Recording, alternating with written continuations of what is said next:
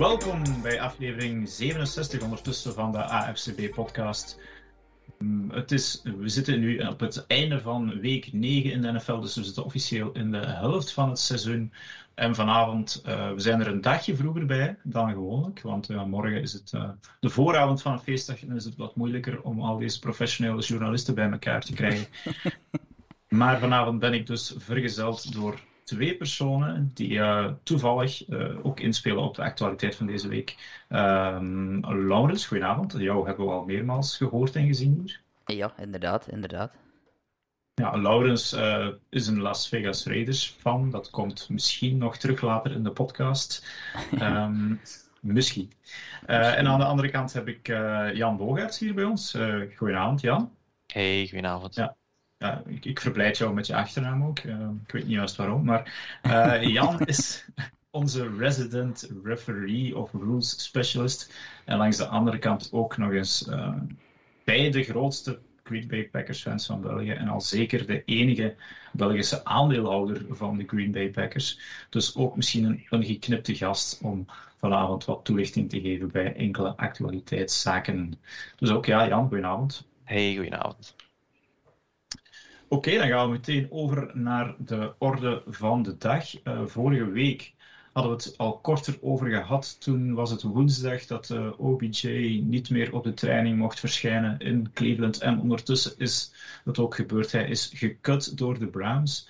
En as we speak, we zitten uh, dinsdagavond nu. hij is sinds vier uur deze namiddag Amerikaanse tijd. Dus dat is pas binnen binnen een half uur, denk ik, dat hij misschien door waivers geraakt is. Dat valt nog af te wachten.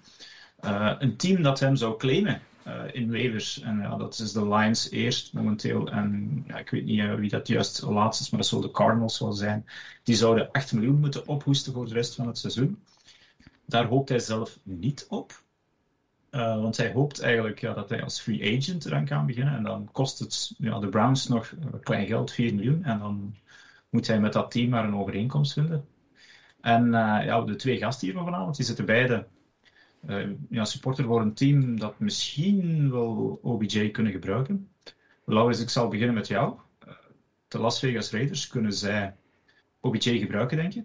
Um, ja, ik, ik, denk dat als je niet verwacht dat hij de OBJ is van bij de Giants, uh, dan, dan kan hij daar wel bij passen. Ik denk niet dat hij hem nu binnenhaalt om de nummer 1 te zijn. Maar ik denk dat dat bij geen enkel team op dit moment is. Ik denk dat hij bij hem op dit moment als een, een maximum tweede, derde optie ziet. Um, ik kan me voorstellen dat ze bij de Raiders nu misschien zoiets hebben van laat ons nu gewoon even met al het nieuws gerust. We hebben genoeg dwaze dingen meegemaakt de laatste tijd en te veel mediacircus gehad. Als je OBJ nog een keer gaat binnenhalen, dan, uh, dan begint cirkelke weer te draaien en mogelijke weer te draaien. En draai je al genoeg mogelijkes rond in, in Vegas. Uh, daar kunnen de spelers tegenwoordig ook blijkbaar heel erg over meespreken. Um, dus ik, ik, hoop dat ze um, wat dat betreft misschien zullen zeggen van laat het maar zo. Um, en of dat ze hem kunnen gebruiken, boah, ik, in, in de zin dat ze iemand extra kunnen gebruiken door Ruggs wel. Maar of het dan hem noodzakelijk moet zijn. Ze hebben de Sean Jackson trouwens uh, binnengehaald. Uh, ja. Officieel nu ook. Dus ik vermoed dat ze het op die manier oplossen, omdat dat ook een beetje dezelfde stijl van drugs is die ze kwijt zijn. Um, en ja, qua landing spot voor OBJ, die toch nog graag uh, de spotlights ziet, is Las Vegas natuurlijk wel een optie voor hem. Uh, dus ik ben wel benieuwd uh, of dat hij misschien zelf zijn, zijn management laat bellen naar, naar Vegas, maar of dat ze gaan opnemen, dat betwijfel ik eerlijk gezegd een beetje. Ja. Oké, ja, inderdaad. Misschien Vegas is het niet het moment om daar iemand als uh, OBJ binnen te halen. En met de Sean Jackson hebben ze inderdaad die speedy receiver binnengehaald die ze met Ruggs uh, niet meer hebben. Uh, en langs de andere kant, ja, ik, ik, ga gewoon naar, naar Jan over.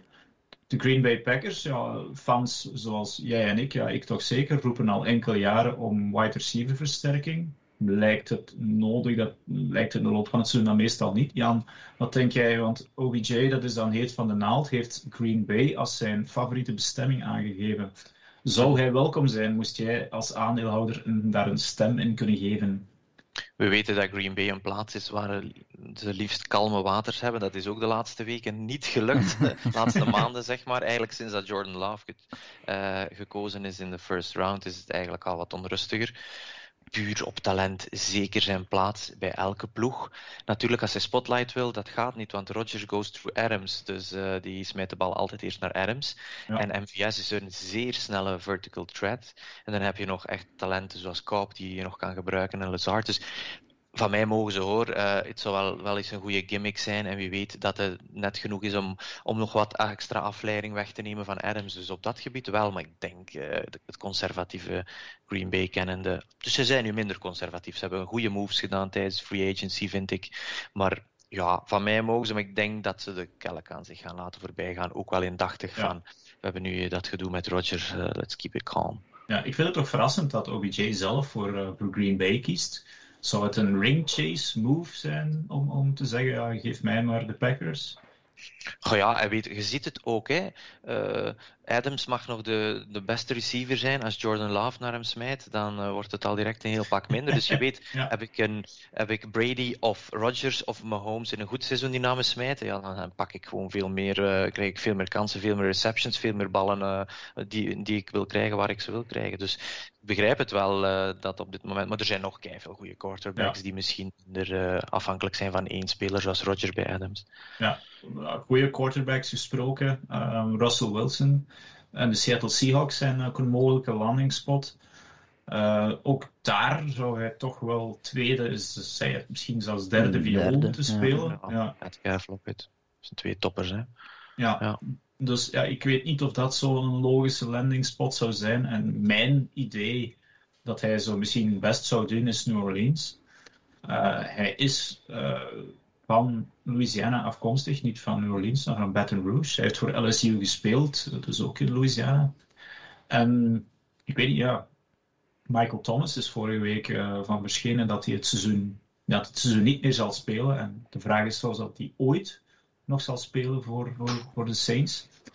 Dus ja, uh, Laurens, wat denk jij? De Saints? Of, of heb jij misschien een andere landingspot in gedachten voor OBJ? Um, we waren over Russell Wilson bezig en, en de Seahawks zijn ook wel een mogelijkheid, denk ik. Uh, ja. Um, maar ja, ja, ik ben even mijn train of thought. Wat, wat vroeg jij nu weer aan mij? ik ben even mijn draad kwijt.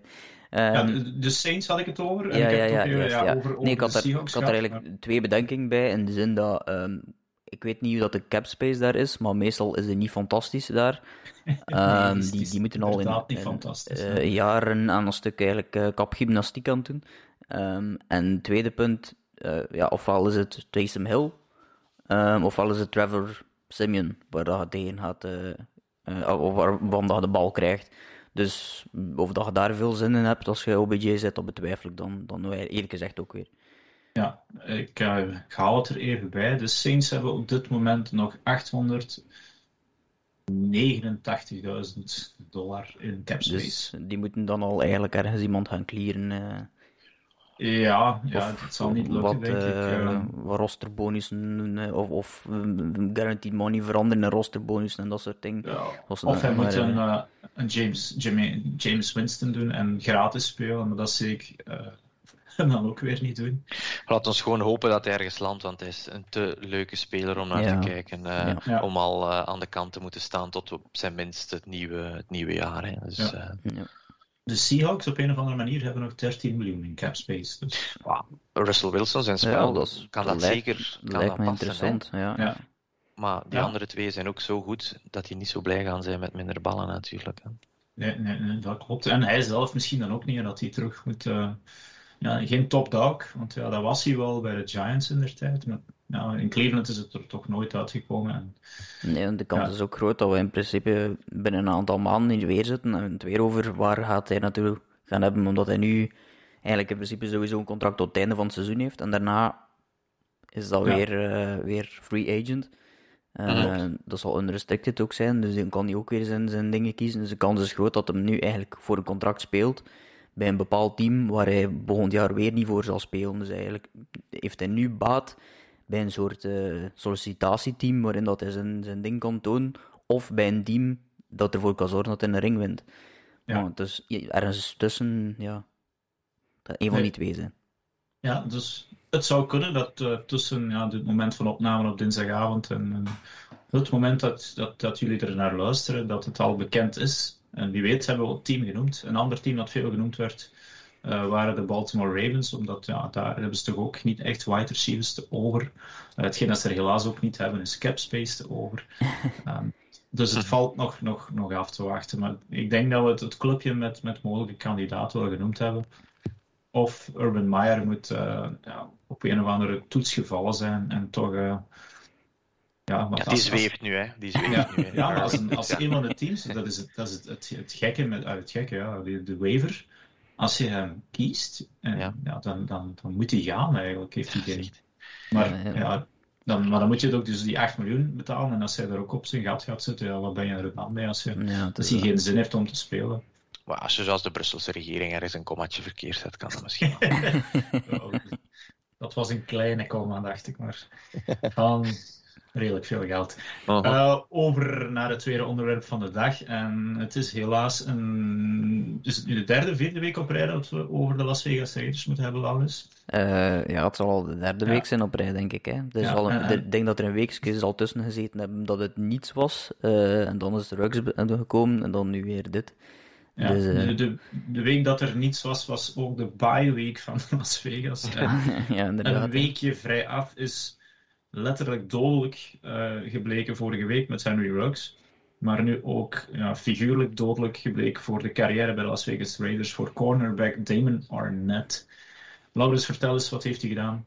Um, wel, die heeft blijkbaar, en dat is, het, dat is het nog het dwaaste van al blijkbaar, heeft op um, Instagram, een soort Instagram live, dat blijkbaar heel veel spelers tegenwoordig doen. Ik snap er het niet, niet van in. En, uh, maar oké, blijkbaar heeft hij een soort Instagram live gedaan of een filmpje gemaakt, waarin dat hij poseert met wapens en zegt dat hij iemand gaat die in de comments zit, weet waarom, god weet waarom, dat hij die gaat vermoorden en haalt dan vervolgens ik weet niet wat soort kanon dat hij vast had, maar het was echt een soort, ja. soort de triple uh, mitraillet, denk ik. En dan kwam er op het einde nog een pistool bij. En ik heb getwijfeld om het even te strippen, uh, om te laten horen. Maar er waren heel veel N-woorden bij, dat ik dacht van, hm, nee, dat is niet echt podcast waardig.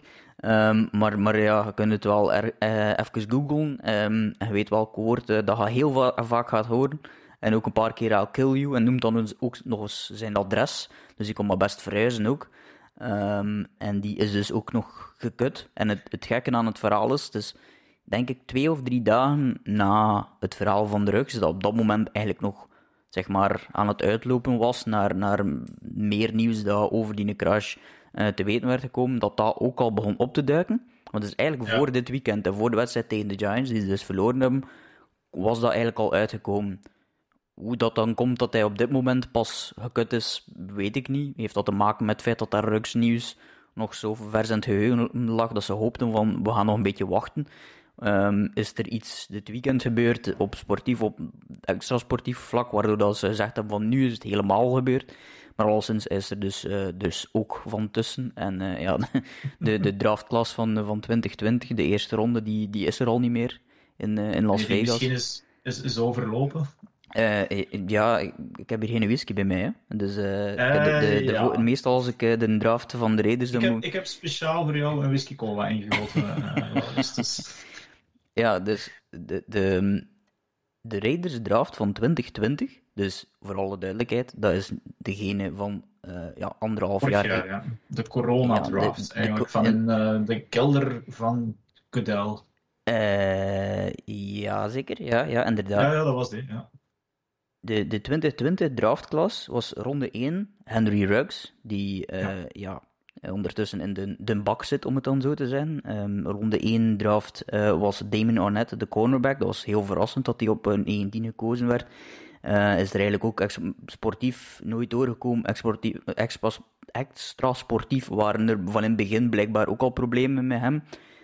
Um, ja. Had je dat gelezen dat hij de, de eerste maand dat hij uh, bij ja. de Raiders zat, vier huurwagens in de prak gereden had? Ja, ja dus het was een gok. Ze hebben het toegegeven hè, dat het een gok was, maar dat ze dachten ja, dat ze ja, konden kneden. Dus, uh, high, high character was het, uh, was het woord. Het, vooral, het was waarschijnlijk high en veel karakter, maar daar zei je niet veel mee.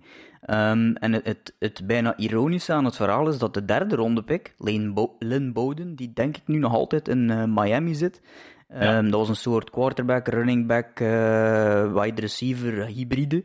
Die hebben, Klopt, ze, ja. die hebben ze in het offseason nog, voordat die ene snap, en zelfs een, ja, precies was er niet, maar zelfs een ene, nog voor camp, allee, voordat kamp afgelopen was, hebben ze die gekut. En een van, of getraind naar de, de Miami Dolphins. En een van de redenen die toen aangegeven was, tussen de lijnen, was dat hij slechte invloed had op Damon Arnett. Dus met andere woorden, de, veel, heeft dat niet, eh, veel heeft dat niet geholpen. In de derde ronde hebben ze ook nog een receiver gedraft in Brian Edwards. Die speelt wel nog. Eh, Ja. Komt er dit jaar ook wel goed door. Eh derde ronde pick was ook nog Tanner Muse. Die is ook ondertussen gekut zonder één snap te hebben gespeeld op, ehm, op defense dan, wel op special teams. Ehm, John Simpson, dat is een guard, die is backup. En Amik Robertson, die is vorig jaar gebenched en dat was een cornerback. Met andere woorden, eh, van die 2020 draftclass is er op dit moment eigenlijk ja, eentje die het redelijk kan eh, goed zijn. En al de rest is eigenlijk, eh, zeker die Ja. hoge picks, zijn, zijn ja, waanzin dat die, dat dat allemaal keihard mislukt is. Ja, toch een, een dom eigenlijk gewoon ook weer. Hè, van, ah, ik heb het filmpje ook gezien, ik had het jou Ja, doorgestuurd. En, en, Je snapt zelfs niet hoe dat je eraan begint en dat, dat er niemand, ja, dat, dat die gasten dat zelf niet beseften van als je zoiets doet dat, en je zit al in de doghouse omdat je sportief tekort komt, dan eh, dat je dan nog bij dat soort dingen begint. Ja, inderdaad, te veel tijd. Ik weet niet eh, wat dat je die gasten moet laten doen of zo, want je kunt ook moeilijk zeggen dat ze, ze hebben inderdaad te veel tijd, maar laat ze dan iets doen, hè, laat ze dan golfen, dat komt ook niet goed. want Rux ging Ah, ja, nee. Ging gaan halven en kijk wat er van gekomen is. Dus, Ja. eh ja, ik weet niet. Ruggs, die, die was gaan topgolfen. Ja, dat is is zo, een ja, soort, eh, ja. Dat is de max. Ken je dat? Ken je dat. Ja, dat is, ja, op het bovenste enfin, in Utah, waar ik vaak naartoe ga, daar is enkel het bovenste verdiend met alcohol, onderste niet. Maar dat is natuurlijk omdat dat ook Utah is. Het is een beetje Ja, ja, eh, ja. dat is het West Virginia van, de, van het westen, zal ik zeggen. En dus dat is wel heel leuk, maar daar kun je ook serieus eh zatstoestanden tegenkomen om dan inderdaad ook nog eens naar huis te rijden tegen. We hebben inderdaad het filmpje van de, van de speedcamera gezien, of van de, van de verkeerscamera, waarbij dat hij inderdaad voorbij komt gevlamd. En iemand schreef inderdaad bij ons van, is dit versneld of zo? Hij zegt, Ja, dat is waanzin. Helaas niet versneld, 251 km per uur zeker. Ja, En eh, inderdaad, bij die Topgolf, en voor wie het niet kent, dat is een soort appartementsgebouwtje dat ze, ja, waarvan dat je van op de balkons eigenlijk, eh, nou, je moet het je zo voorstellen, een driving, driving range eigenlijk. En dan staan er targets op, op een veld en kan je er naar slagen. En, en- al blij zijn als je het raakt. ja, ik heb het nog nooit ge- Ik heb het ook in Texas twee jaar geleden eens zien staan, maar ik kreeg niemand overtuigd om, om mee te gaan, jammer genoeg. Maar Rux had daar naar het schijnt 18 shotjes gedowned. Dus een, eh, ja, weinig medelijden eigenlijk. Maar we hebben het er Ja, vorige ja. week al over gehad, over Rux. ja, maar toch is, eh, domme spelers. ehm ah ja, dom gewoon, die acties van die, die mannen. En, en ik vraag het mij dus echt af, van, ja, dit, dit zou volgens mij niet gebeurd zijn in, laat ik zeggen, in Carolina, in misschien zelfs Pittsburgh. Ehm, is het Las Vegas dat, en dan, dat dat voor die, die jonge gasten, die nog niet Ja. zo sterk in het leven staan, een toxische omgeving is? Ik kan mij wel voorstellen dat dat inderdaad niet, eh, niet het meest gemakkelijk is als eh, je eerst en vooral een hoop geld in je handen duwen. Eh, ja. tegenwoordig ook heel veel al volledig gegarandeerd is bij die, die rookies. Het is al veel beter dan vroeger, maar blijft enorm veel geld. Eh, en die worden dan wel voor een stuk begeleid, denk ik. Maar je kunt die... Het blijven volwassen mensen van 22, ey, of 21, 22 jaar. Je kunt daar niet blijven een begeleider op zetten. Eh, dus als die dwaze dingen doen, is dat ook gewoon ja, voor een stuk hun verantwoordelijkheid. En de kans is inderdaad groter in Las Vegas om dwaze dingen, te- of hebt veel meer kans om dwaze dingen te doen in Las Vegas eh, dan, ja, dan in andere, andere omgevingen, zoals bijvoorbeeld Green Bay, denk ik. Ja. En ik kan. Hoe is het in Green Bay, Wisconsin? Ik ben Er er wordt ook veel geweest. gedronken, hè. Er wordt Ja, ook ja, heel ja, veel gedronken. Drunken capital of the world, zo in Madison Oh, en weet ik veel. Ja. Maar er, Ja. ja, er zijn niet zoveel nightclubs. Ik denk en dat er is het- ook niet zo'n scene van ja, mensen die rond, rond die spelers hangen. Die spelers gaan echt dat naar een op- woonwijk en that's it. Ja, ik Ja. denk dat ook op dit moment, als je nu de Raiders zijt en je, je kijkt naar de situatie, eh, het is niet onbelangrijk om te vertellen, in heel het verhaal van Ruggs en Arnett, die worden alle twee nu gekut na de eerste echte bye week in Las Vegas. Hè. Want vorig jaar was er een zogezegde bye week, maar allee, het was een bye week, sportief gezien, Maar ze zaten in Las Vegas op dat moment nog altijd in een pandemie. We zitten er nog altijd in. Uh, maar, maar toen was alles, Alles toch nog veel, ook, veel, veel dichter en veel, eh, veel moeilijker om dingen eh, moeilijk te doen. Dit is de eerste bye week in Las Vegas. En je bent al twee, twee eerste draftpicks kwijt na de twee eh, onnozele acties. Dus ik denk als je nu de Raiders bent, dat je niet anders kunt dan extra te gaan scouten op eh, de persoonlijkheden, eh, persoonlijkheden van die spelers. En als je voelt van dat is een party guy, move on. Zelfs al niet meer talent, maakt niet uit. Ehm, dat hebben we met die andere jongens ondertussen gezien. Als het een party guy is, weg ervan, want dat, dat brengt problemen. Ja, maar dat was Ruggs naar het schijnt niet. Dat was zo... Ja, Nee, dat, nee. dat, Nee, guy. natuurlijk- van, ah, ja. Nee, natuurlijk, maar er waren ook blijkbaar wel privé... Allee, was er ook wel een privé-situatie waarin dat hij blijkbaar aan, het- aan het ruzie was met zijn, eh, zijn vriendin. Eh, dus ja, misschien had dat er ook allemaal mee- weer mee te Ja. maken, maar oké. Het einde van het verhaal eh, maakt dat niet uit natuurlijk. Blijft gewoon even dwaas. Maar ja, als je reder bent, moet je daar nu echt rekening mee beginnen houden, want in het begin zullen ze dat misschien een beetje onderschat hebben. Ja. Maar ja, je kunt niet anders niet meer nu. De lichtende voorbeelden, spijtig genoeg, zijn er. Nee, ja en, en het zijn allemaal universitairen, toch? Zou je denken, Jan? Ja, ik heb het ook geschreven op de, op de Facebook-post. hè. Ik bedoel, ik ken ook iemand persoonlijk die op Baylor University, wat toch ook een heel grote college is, Ja, dus klopt. basket, maar ook wel eh, American football in, in, in Texas. En die zijn verhalen, dat is, dat is ook zoals je het een beetje vermoedt, ook zoals je die serie op Netflix, hoe was dat weer al? Die serie van die middelbare school daar Ja, in, in Last chance you? Mississippi. Last Chance You, of Ja, ja, ja. Last Chance You. Dan zie je dat daar inderdaad zogezegd goede resultaten moeten behaald worden. En die moeten dan bij een of andere dame gaan voor goede punten. Maar die vinden die dan rond haar vingers. Dus dat is ook niks. Die worden Ja. erdoor gelaten, want de druk van dat department. En als je dan ziet wat voor een stadion dat er op zijn universiteit staat. Er gaat evenveel geld naar dat stadion. dan dat er naar eh, medisch onderzoek gaat, bij wijze van spreken. Dus die worden daar als printjes behandeld. Die zitten in een hele les op een gsm. terwijl dat een tutor ernaast alles zit te noteren. En ik zeg het, u kunnen ermee lachen, maar. Het moet Ja. bijzonder frustrerend zijn in Amerika als je dan iemand bent die hè, inderdaad middelbegaafd is, toch het wil maken en een student loan moet nemen van 120.000 of 60.000 per jaar, niet wetende. Als je niet door bent, is de 60.000 weg. En die mannen komen daar binnen met veel show, worden ondersteund, worden hè, de hemel ingeprezen. Ehm, ja, heel zuur wel, eh, dat die dan ook nog eens een, een officieel diploma, niet dat ze er veel mee gaan doen, meestal in communicatie, sorry voor de mensen die communicatie doen in België, maar dat wordt zo'n beetje, dat is zo'n beetje de diploma Dat is dat de daar go-to eigenlijk. Hè? Ja, Ja, inderdaad. Eh, en sports mensen met. Ja. Als ze dan echt een, een bepaalde richting volgen, dat je echt, oeh, dat is crazy, dan weet je dat ze vaak ook echt wel het kopje hebben om, die, eh, om dat te volbrengen en dat ook wel op eigen kracht doen. Maar het is een, het is een pervers systeem waar wij wel het entertainmentgehalte van plukken. Maar het is niet fraai dat hoe die universiteiten eigenlijk eh, die mannen echt volledig ondersteunen, terwijl dat, dat niet al terecht is. Ja, dat is ook zo'n waanzinnige statistiek dat ehm, de meeste van de spelers, of ehm, dat spelers eh, na hun carrière, dat 80% binnen drie jaar failliet is. Fantastische, die Ja, moeten we is- eens delen. Dat is een, een- ook, Ja, ook- ik er is ook zo dat het- kansen, hè, wat je kansen zijn als je van high school speler, hoeveel kans dat je hebt om in college aan de bak te komen in 1A, om dan naar NFL te gaan. Maar oké, NFL Combine uitgenodigd, zijn zo 250 spelers, ja. om dan een contract te krijgen. Je moet het dan vijf jaar volhouden om eigenlijk deftig geld te verdienen om de rest van je leven toe te komen. En dat was echt zo, de, de bottom line was, alsjeblieft, ga studeren, want de kans dat je, dat je Ja. is echt bijzonder klein. voor, voor sommigen is inderdaad, en dat zie je dan vaak in Last Chance You, die, van die mannen die in wel letterlijk in een auto wonen, is voetbal de enige mogelijkheid om er iets van te maken. Ik ga helemaal van achter in deze podcast er nog zo eentje vermelden.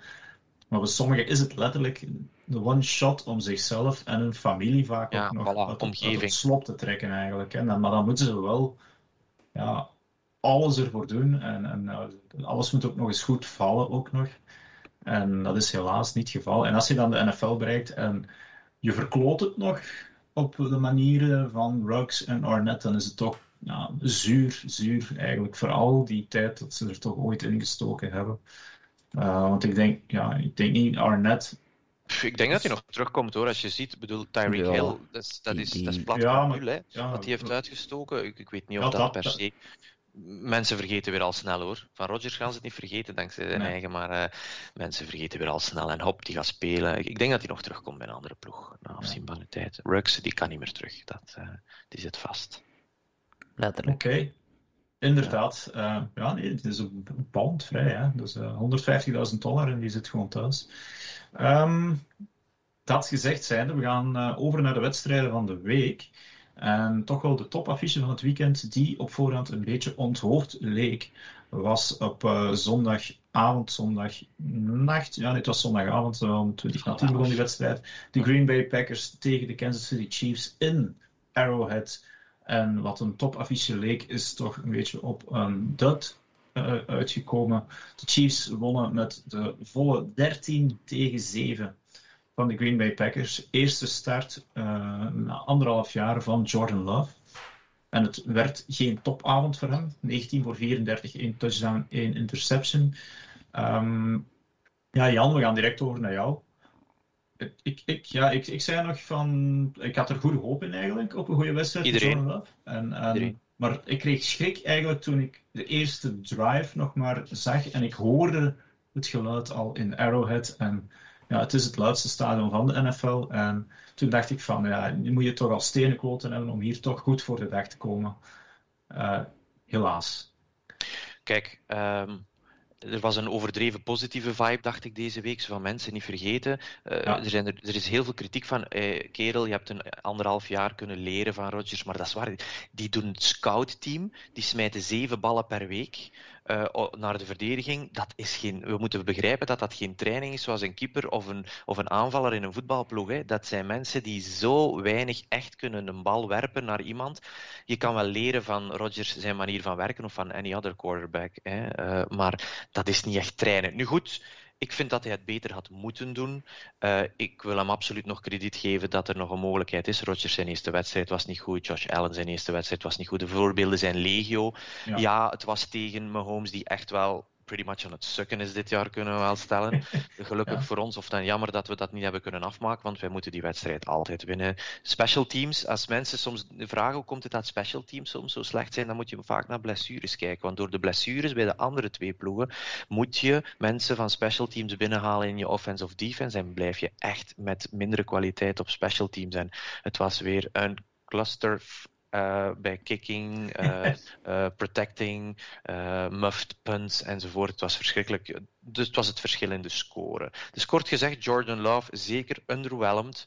De negativo's zeggen dat wordt hem niet. De positivo's zeggen kijk naar drie goede worpen. Ik zag die worpen ook wel, dus ik wil hem zeker niet wegdoen. Maar alsjeblieft, geef Rodgers nog een contract voor op zijn minst het volgende seizoen, want hij is er nog lang niet klaar voor, denk ik. En ik ben niet klaar om veel te verliezen.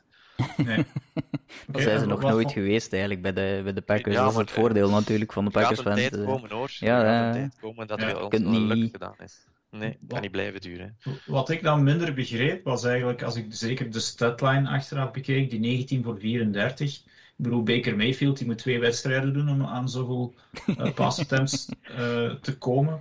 Run the ball. Ja, run the ball. Je hebt, je hebt er AJ Dillon en, ja, ja, en Aaron Jones. Jones. Ja, en Aaron Jones. We hebben zelden zo'n goede tandem gehad in Green Bay, alsjeblieft. Ja, je hebt, hebt, echt zo de, de bruiser en, en Dylan, hebt de, de, meer de, de, de passcatcher en, en, uh, ja, en Jones. Dus je hebt eigenlijk een ideale combinatie om er iets mee te doen. En je, je hebt die veel te veel laten, uh, ja, laten liggen eigenlijk. Dat snapte ik ook niet, uh, niet aan het hele verhaal. Ze wilde, zoals, ze wilde spelen alsof dat Roger er stond. Veel te veel seven-step drops en dan uh, Adams proberen bereiken. Maar als je nog maar vijf ballen in je leven hebt gesmeten naar Adams, ja, dat heeft toch een bepaalde chemistry ja. die we al wel snappen. Dus ze hebben hem te veel dat willen spelen. Ze moeten meer die bal runnen. Dat, het was voor de ja, taking. Het is, het, is ook niet, het is ook niet dat ze zoiets hadden van we moeten tegen de Chiefs de bal gooien, want ze zijn goed tegen de run. Nee, de Chiefs kunnen niks dit seizoen op defense. Dus het maakt niet uit wat je doet. Mocht op ondersteboven staan en naar voren lopen, bedoel ik het nog door.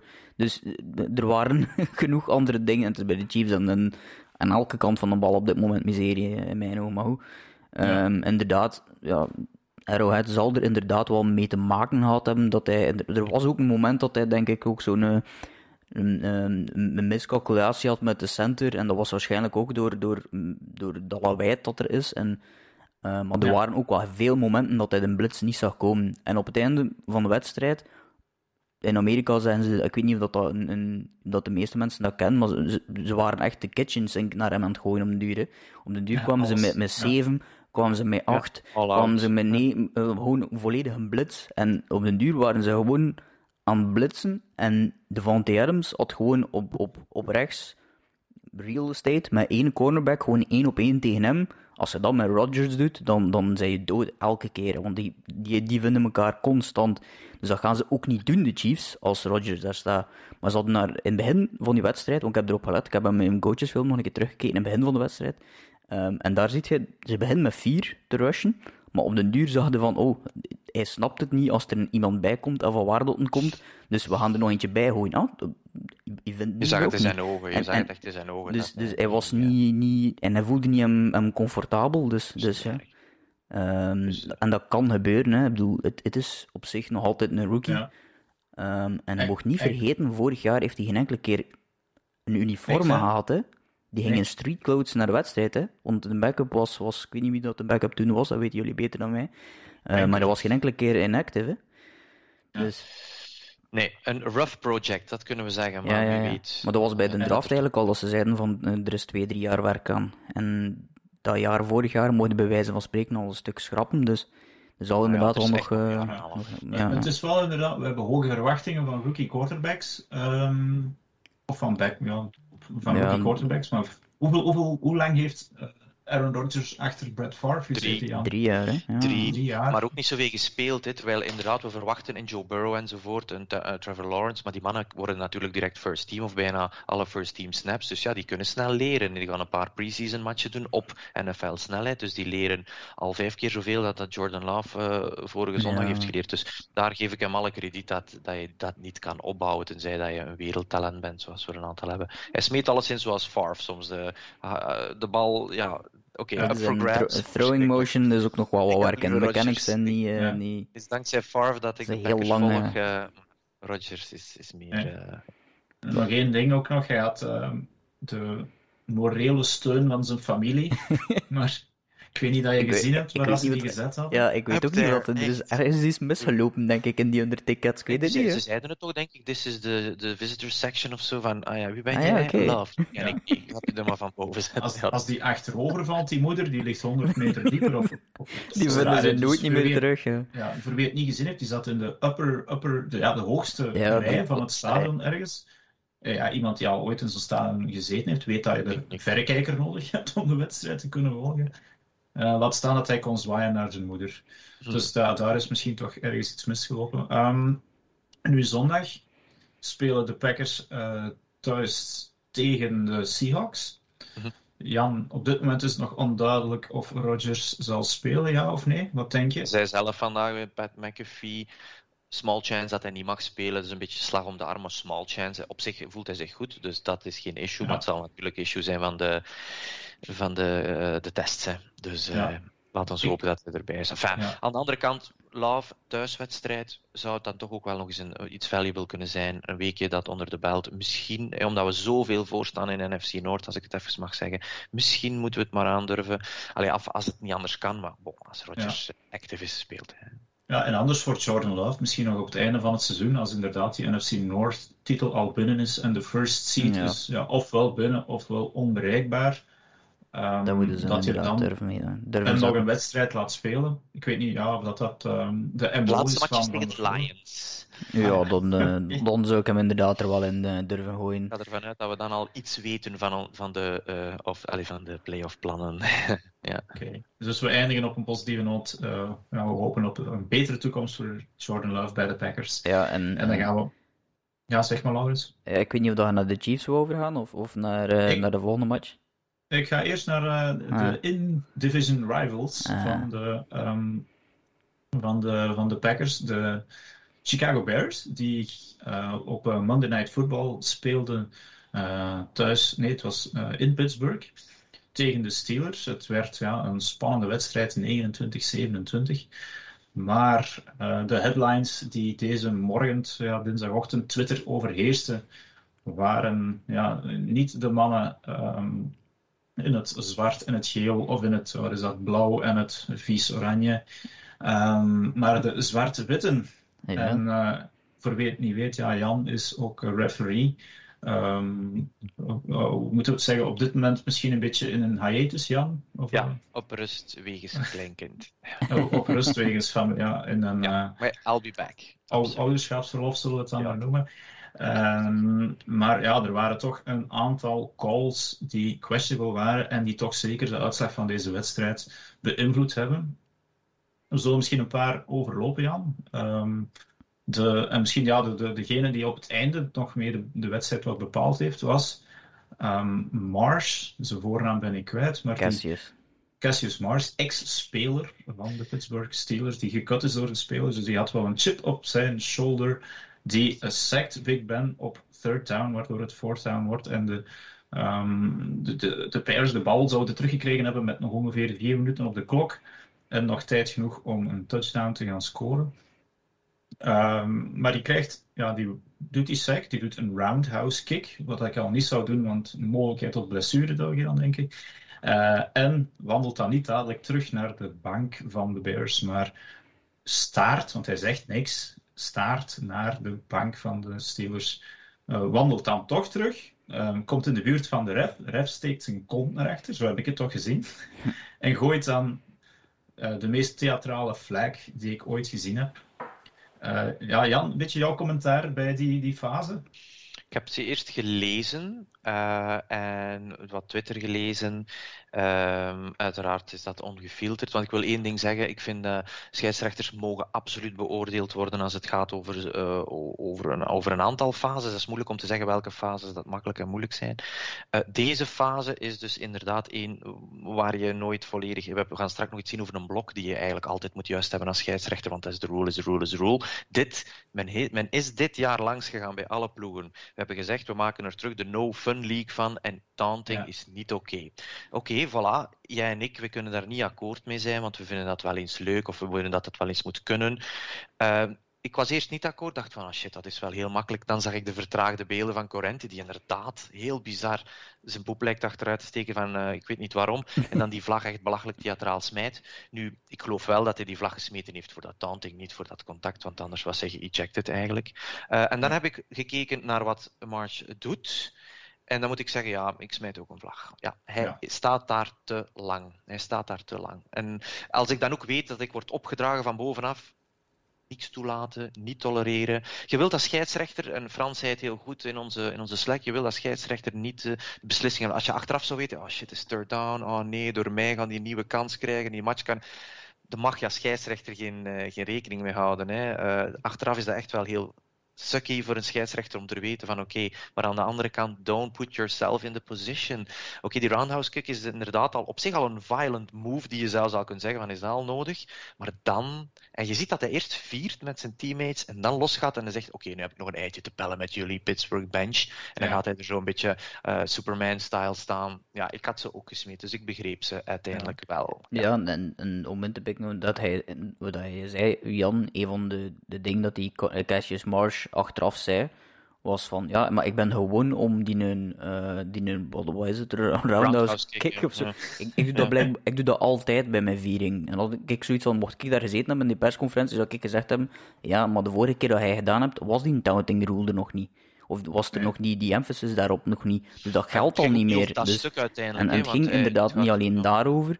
Uh, het ziet er gewoon dat doen heel veel defensive players eigenlijk. Zo'n high kick of uh, ik, ja, even ja, bedoel, gesturen richting de andere iedereen, kant van het veld. Van maar iedereen, iedereen, ja. iedereen weet het dat het niet moogt. Dus waar, als je het dan toch doet, ja, dan moet je niet boos zijn op Die degene emotie, die... hè, Ik snap die emotie wel, maar Ja, het is, ja, hij heeft te veel maar- tijd om erover na te denken, want hij doet die Ja, kick ja, ja. en dan gaat hem even vieren en dan moet hij zeggen, oké, goed gedaan, weglopen en dan gaat hem nog dat doen.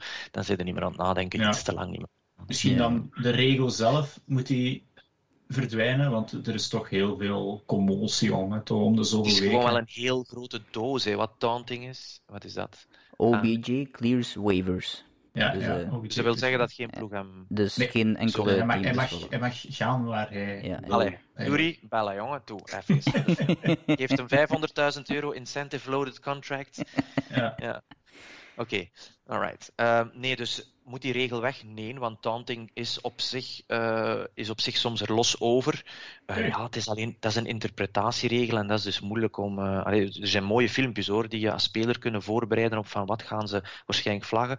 Je weet ook welke crews dat je krijgt. Die mannen worden ook gebriefd. Dus ja. die crew die gaan daar extra op letten enzovoort. Dus er is wel shitload of information om je voor te bereiden op ah, die mannen gaan zo en zo ja, te werken. Maar, maar, het is... Ja, het is, het is inderdaad niet, niet zwart-wit. Het is subjectief, hè, die regel. Van... Klopt. Wij, allee, bedoel, er was een, bij ons was dat ook zo. Hè, dat spiken van de bal moesten wij ook een vlag versmijten in de NCAA rules.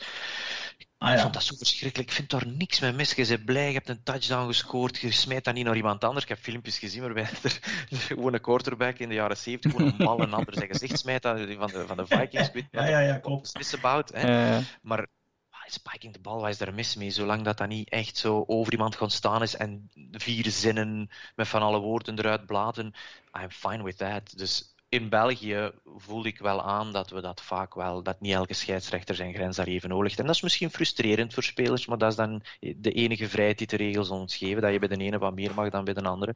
Ja. Maar dat is dan vaak door de andere regels. Ja, het probleem is ook dat het in de unsportsmanlike categorie valt, die direct 15 yards en natuurlijk een automatische first down is, wat in dit geval wel, wel heel pijnlijk was voor de Bears. Zeker omdat die al na een aantal andere calls kwamen. Dan gaan we misschien over naar de tweede call, die iets technischer misschien uit te leggen is. Um, maar dat was wel een call waarbij dat de Bears een touchdown van Jimmy Graham van het bord zagen geveegd worden. Ja, Jimmy Graham, inderdaad. Sorry, Jan. Dat is niet erg. no beefs, hè. Jimmy zit daar goed. Ja. Eerst trauma als die boven komen. Ja, ja. Um, maar, maar dat was inderdaad echt die, die, die call was er volgens mij volledig naast. Kan je de, de, de call misschien... Heb je de beelden gezien? Ik heb de beelden gezien, ik probeer het mijzelf voor te stellen. Je hebt een aantal boxen die bestaan in het hoofd van scheidsrechters en spelers. En een van de nieuwe boxen is nu dat je dus hè, je vijf man in het midden hebt.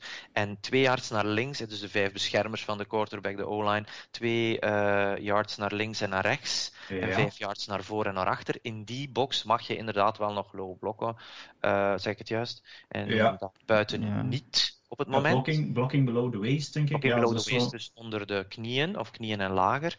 En dat doet, of dat lijkt iemand, dat lijkt een end van de Bears wel te doen. Dus er wordt een vlag gesmeten van, hela, je was buiten die box en je gaat laag. Ja. Uh, maar dan moet er wel aanraking zijn, want je kan springen enzovoort. Uh, en als die andere omhoog springt en er is geen contact, dan telt dat eigenlijk niet. Ook al was de intentie om die te raken. En dan zegt men, en daar, daar heb ik niet genoeg bekeken, moet ik bekennen, dat daar weinig contact zou aan zijn, of dat het zelfs binnen die tackle of binnen die box zou zijn. Dus twee ja. redenen om het eigenlijk die vlag op te pikken. En dat is het voordeel aan NFL-officials of aan American football. Wij kunnen vlaggen oppikken als er ja. één iemand naar voren komt die zegt: Wow, mannen, dit is echt verkeerd. Ik heb dat 100% gezien en ik moest er ook naar kijken als official. Ik moest dat zien en ik heb dat zo gezien. Dan kunnen we die vlag oppikken. Hè. Maar dus dat, dat, dat, dat wou ik inderdaad ook jou vragen, want ze staan daar toch met een aantal. Je hebt dan, uh, want het is uiteindelijk was het de referee, dus de whitecap die de vlag gooide, maar er staat toch nog een, een het is het een line judge? Of line judge of red linesman die, die op de lijn ja, geplaatst staat. Die moet dat toch zeker ook gezien Je hebben, moet wel of... weten dat soms echt wij met zeven of met vijf maar naar één of twee mannetjes aan het kijken zijn. Uh, dat is soms niet goed. Soms moeten we een wide view hebben. Ja. Als we een receiver aan het trailen zijn, moeten we wide view hebben. Wie komt eraf? Hoe zit hij met die voeten? Kijk naar die bal. Maar soms zijn wij ook gewoon, zeker bij de snap, naar één of twee mensen aan het kijken. En die ernaast wordt even niet in de gaten gehouden, omdat hij niet zo belangrijk is. Dus ja, het kan goed zijn dat op dat moment alleen maar de referee naar die kerel moest kijken. Ja. Ja, ja, inderdaad. Want het was niet een, iemand die actief bij het spel betrokken was. Die gooide er inderdaad gewoon een blok. En we zullen beelden misschien ook eens op de Facebookpagina gooien. Maar hij raakte dus effectief niemand. En volgens ja. degene die het zou moeten weten, was het nog vlotjes binnen die box. En dus zelfs als hij had, iemand had geraakt, zou het geen penalty geweest zijn. Maar dus ja, zeven punten minder. Uh, ja, nee, het is eigenlijk vier, want ze hebben een, uh, een field goal nog gescoord in die situatie. Maar het waren wel die vier punten die ze op het einde van de wedstrijd tekort kwamen voor die wedstrijd te winnen. Um, want ja, 29, 27. Dus ja, daar kwam het onder andere wel op aan. En dan om, ja, om, de Bears-fans helemaal op hun paard te zetten. Uh, en ik ga het dan niet over ook nog uh, een paar questionable uh, defensive pass interference hebben. Maar een roughing the passer, dat is misschien een andere penalty die dit jaar toch. ik heb al één, één keer eens gezien dat misschien ja, iemand ze over zijn schouders wrijft en krijgt een roughing the passer. Nu werd Justin Fields toch een paar keer uh, vlot, ja, ik zal niet zeggen onder de zolen geholpen, want toch hard omvergeduwd als de bal al lang weg was en geen vlag. Het was een zuivere vlag in mijn ogen. Diegene die ik gezien heb dat er langs achter ze nog een, een stamp krijgt. Ja, ja, dat is een fout voor mij. Uh, dus ik begrijp ook niet zo goed wat daar. Uh, en er is de emphasis. Ik ben begonnen als scheidsrechter en Tim Riddle, een scheidsrechter die nu in Seattle woont, zei tegen mij: de, het spelletje van American football is kill the quarterback. Dat is eigenlijk het spelletje. Ik verstond dat toen niet. En oké, okay, die kwam uit de jaren 70, 80 en dan zie je zo wat clipjes en denk je: ah ja, oké, okay, dat klopt. Dat is het doel. Maar nu is ja, de quarterback is het prinsesje van het spel. Ja. Er mag normaal niet aangekomen worden. Er zijn de meest belachelijke calls. De heel Mary van Rodgers tegen Detroit jaren geleden was ook absoluut geen face mask enzovoort. En dat was hij gewoon zo ergens van boven vastgepakt. Up, 15 yards, heel merrie en we winnen. Dus er is, er normaal gezien worden ze overbeschermd, maar Justin Fields had hier, uh, werd hier niet correct aangepakt volgens mij. Ja. Oké, en dan, also, ja, ik zeg, er waren nog een aantal andere calls. Um, die, uh, ja, de, de, de Bears hadden meer dan 100 penalty yards op, uh, ik dacht een twaalftal penalties. Dus dat is best veel. Uh, Badly dan... coached. Badly ja. coached. ja, dat is een beetje probleem. Uh... Oké, okay, we gaan met Nagy misschien in deze gerust laten. Ja. ik was me al aan het opmaken, eerlijk gezegd. Maar... Ja, vaak nee. denk ik, als je het uh, moet klagen over de scheidsrechter, zou je denken, had je maar een paar punten meer moeten scoren, maar hadden ze dus effectief wel gedaan, maar die zijn wel kort geweest. Um, maar de, maar de, ref, de referee, die, um, Tony Corrente, die is uh, van 1951, ik weet niet, ja, mijn vader is van 53, uh, dat is dus een man van 70 jaar oud. Horen 70 jaar oude mannen nog een, een, een spel waar zoveel geld en prestige in omgaat, nog, nog te callen? Laurens, zeg maar. Ja, ik vind het, is, het is minder fysiek natuurlijk dan pakweg voetbal. Dus dan, dan is de vraag op ja, wat baseert alleen, je... alleen het zicht denk ik dan maar. Hè? Want, uh... ja, ja, maar op, op, ja, natuurlijk. Maar je hebt 70 jaar die nog perfect zien, die nog perfect aanwezig zijn in, in alles wat ze doen.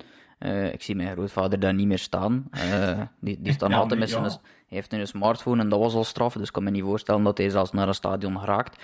Uh, laat staan dat hij daar eh, nog dingen weet, maar, maar goed, eh, of, het, is, het is moeilijk om in te schatten of dat de leeftijd de, de bepalende factor eh, is in bepaalde situaties. Eh, Ja. En natuurlijk is het ook zo, als hij 70 jaar is en hij is op pakweg zijn, ik zeg nu maar iets, zijn 20 jaar begin met scheidsrechter, dan heeft hij 50 jaar ervaring. Ehm, dat is ook wel ervaring die je niet zomaar wegneemt eh, uit die een hoop. Maar ja, misschien, ja, ik weet het niet. Ik vind dat heel moeilijk om in te schatten, omdat je niet weet. Ik weet ook niet, de andere wedstrijden waren andere wedstrijden die hij gecallt heeft dit jaar eh, ook problematisch of, of, of niet. Dan kan ik niet, niet eh, het is de eerste keer dat ik dit jaar zijn naam hoor. Dus ja, het is de eerste keer dit jaar dat ik hem zijn naam hoor op, op een negatieve manier. Eh, dus ja, ik, weet- ja, dat is zo moeilijk om te zeggen, omdat je niet weet wat dat de rest van, van zijn jaar geweest is. Als het nu enkel op deze wedstrijd afkomt, dan heb ik het gevoel dat iemand van 46 jaar dat ook kan naar de kloot nou moment al zo te zijn. Dus ik weet niet, het is moeilijk om leeftijd daarop eh, te Ja. beoordelen. De Maar Whitecap is op zich wel de rustigste job. Hè? Je bent Ja, een ja. people manager. Hè? Je bent een people manager, je moet met die sterren om kunnen. Ook al, hè, dat is wel een mopje hier en daar, ça va, en dan hup, even focus. Dus dat is zeker niet de moeilijkste job. Het is dus de job met de meeste druk, omdat je bepaalde dingen moet aankondigen. Dus ik ben heel daarom- graag Whitecap. eh. En daarom is die, die, die ervaring waarschijnlijk nog extra belangrijk bij hem in, in, in vergelijking met de andere jongens. hè. Ja, maar moet, ja, is er dan... Ja, ik weet niet hoe ik het moet zeggen. Ja, 70 jaar denk ik toch 70 van... lijkt wel heel oud, ja. Ja, ik, ik, Ehm, ik, ik had weet het niet. er straks tegen jullie ook al gezegd, in het eh, reguliere voetbal eh, was tot voor vijf jaar geleden de maximum leeftijd voor een FIFA-scheidsrechter 45. Maar dat heeft meer met Ehm, fysiek te maken, omdat hij zoveel moet Ja, doen. maar Ja, die moeten- maar diagonaal lopen. Heel Ja. lopen. Maar ja, dat, het, het verschil is wel heel groot, vind Ja. ik. Ehm, nu, goed, ja, hier in de provinciale reeksen zijn wel nog mannen van 65 eh, aan de slag. Sunday Ehm, League. Maar, Ja, ja, ja, maar dat is zeker, om- dat is zeker om- ik, ik ja. zie ze niet, of, of ja, ook een, een lijnrechter of zo, dat zijn geen... Nou, is er dan wel genoeg jonge influx? Krijgen die jonge gasten wel genoeg hun kansen? Denk ik dan. Absoluut. Ehm, Ja, ik denk dat, rekenen- ik denk dat, Ja, Ah, nee, nee, nee, Jan, hij hebt er meer, uh, zeg maar. Ah, wel, gewoon, je moet rekenen, we kijken met z'n allen zaterdag naar collegevoetbal. Dat zijn tientallen stadions, tientallen matchen met honderdduizend man, met spelers die even snel zijn. Er is absoluut genoeg kans om goed te worden. Maar er zijn ook officials die gewoon op college willen blijven, die geen zin hebben op de reizen, die willen in een SEC blijven, in een, in een Big Ten willen blijven, uh, Pac-12, whatever. Uh, dus daar zijn al mensen, talent dat daar wil blijven.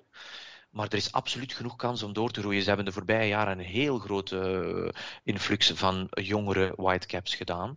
Uh, en dat gaat soms met growing pains. Maar aan de andere kant is de sport, sport wordt nog alleen maar sneller. Als ik daar straks zei over wat vind ik moeilijk om scheidsrechters kwalijk te nemen, dan heb je het over DPI's, over defensive pass interference. Dat is menselijk niet mogelijk om met zo'n sterren, zo'n snelheid, zo'n snelheid van actie, om dat met het menselijk oog eerlijk en goed te behandelen. Ik vind dat daar moet nagedacht worden over een ander, oh, dat daar sneller moet kunnen ingegrepen worden door een of andere videoreferee. Omdat dat zo oneerlijk is, omdat dan het menselijk oog te laten wat daar allemaal gebeurt, die handchecks en die snelheid van dingen. Dat is gewoon heel moeilijk om een scheidsrechter dat kwalijk te nemen. Daar, daar mag de technologie wel een handje helpen, vind ik. Een aantal andere zaken kan de mens perfect. Maar... Ja, vooral ook omdat... ding, ja. Ja, zeg maar ja, om, omdat het publiek natuurlijk ook wel geholpen wordt door die, hey, door die technologie. En, en de mensen die het wel moeten beoordelen, het publiek moet het niet beoordelen, het publiek moet maar gewoon kijken eigenlijk in principe. Ja. Die worden daar ja, wel door geholpen en de scheidsrechters niet. En dan hebben die, allez, als wij in onze zetel zitten, kunnen we het vanuit 27 verschillende hoeken zien. Zij hebben de tijd niet om. Dus ja, inderdaad, zoals al gezegd, die technologie mag inderdaad wel een stap vooruit zetten, ook, uh, ook in de NFL. Maar dat lost ook niets op. Hè. We hebben dat in het voetbal, nee, we, hebben, we, hebben in het voetbal gezien dat dat. nee, nee, maar het, ik, het zal blijven één ding moet volgens mij toch kunnen, en dat begrijp ik dus niet, dat ze dan ook overlaten aan een mensenoog. Dus aan, aan, een van de snelste mensen van Amerika spurt langs de lijn, wordt ergens neergehaald en iemand moet die inhalen en die moet van op een twintigtal meter kunnen gezien hebben waar ja. dat die bal ergens juist geëindigd is en die legt hij dan lukraak neer waarna er, als er wat discussie zou zijn, twee andere mannen met twee stokken met een ketting tussen op het veld moeten kunnen komen om te bepalen archaïs.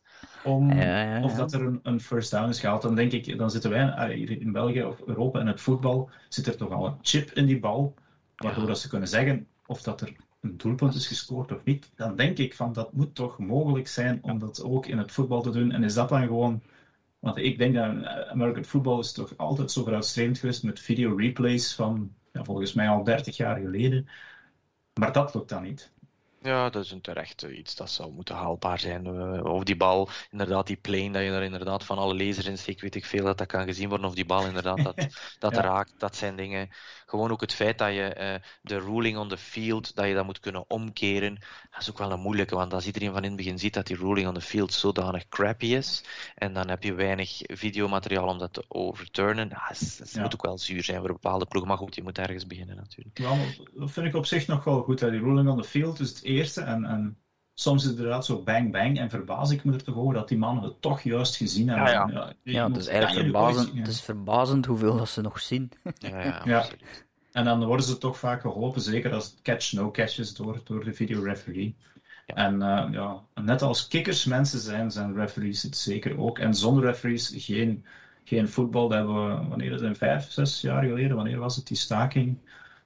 Nou, dat was het ook niet, denk ik, met die, uh, ik ben benieuwd waar die zitten, die uh, replacement officials, want die hebben dus echt veel mensen voorbijgestoken om vanuit vierde klasse, zal ik maar zeggen, dan plots de kans te krijgen om te shinen, ja. vooral te velen. En die zijn natuurlijk zwaar uh, afgemaakt ja. als de echte officials terugkwamen. Dus ik denk dat die ergens in vierde klas terugzitten. Ja.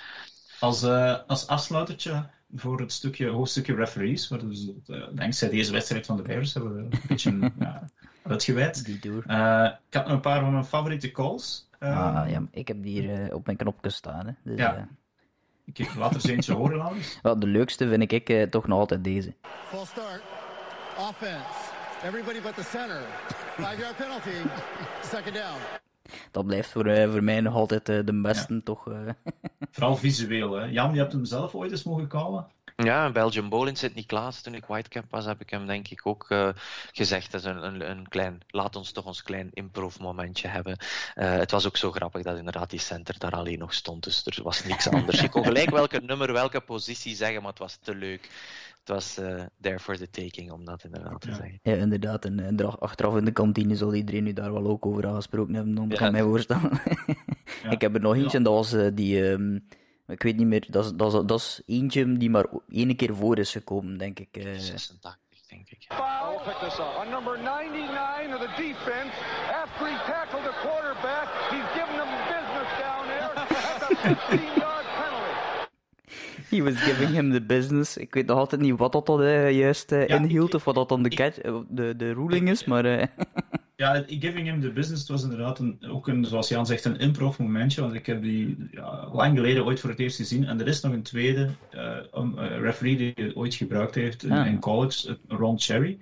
Um, Giving Him the Businesses, ja, die waren in een vechtpartij betrokken. En de ene was de andere in zijn edele delen aan het slagen. Ah, okay. Repetitief. En je moet dat filmpje zeker eens opzoeken, want dan zie je de referee ook nog eens um, die handbeweging maken. Um, en zijn naam was Ben Draith. Um, die, ja, dat was ergens in 1986. Die is dit jaar overleden trouwens. Um, die okay. 96 jaar geworden. Een, ook een van de legendarische whitecaps van de NFL van, van, van lang geleden. Ik zie Jan denken.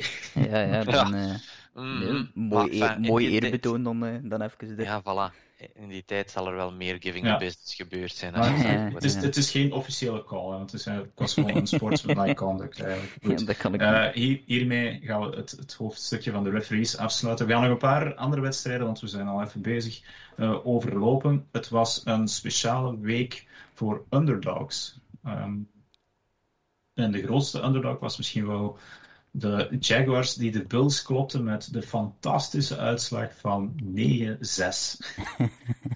uh, Laurens, moeten we conclusies trekken uit die wedstrijd? Zowel voor de Jaguars als voor de Bills? Of toch um, maar niet?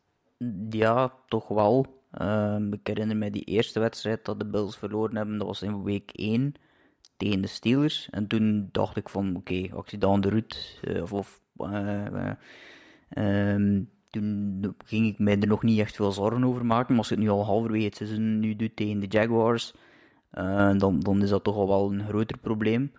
Um, er is nog altijd geen alternatief in die, uh, in die offense. Het is nog altijd Josh Allen gooit de bal. En als Josh Allen de bal niet kan gooien, dan hebben we een probleem.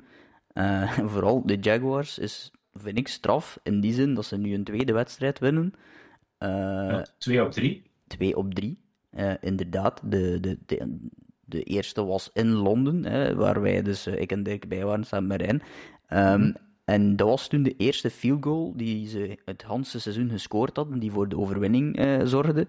En de, twee, of de drie field goals, moet juist zijn, de drie field goals die ze nu gescoord hebben, deze week voor die negen punten tegen de Bills, dat waren de eerste drie field goals die ze dit seizoen gescoord hebben in de VS. Dus ze hadden nog geen enkele field goal gescoord dit seizoen. Uh, in de VS, in eigen stadion of ergens anders op Amerikaanse grond.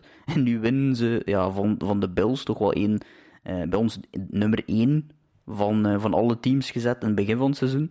winnen ze op die manier van, van de Bills, is toch wel, wel straf. Maar de Bills, ja, die gaan naar de playoffs en whatever. Maar, maar je gaat toch een alternatief moeten zoeken op den duur uh, naar, vooral de run game is een probleem. Ik denk dat Zach Moss nu ook uh, een beetje geblesseerd is. Ja. Um, dus dan moet je ze overschakelen naar, wat is het, Devin Singletary. En dat is ook niet, uh, niet dat, toch, is al gebleken.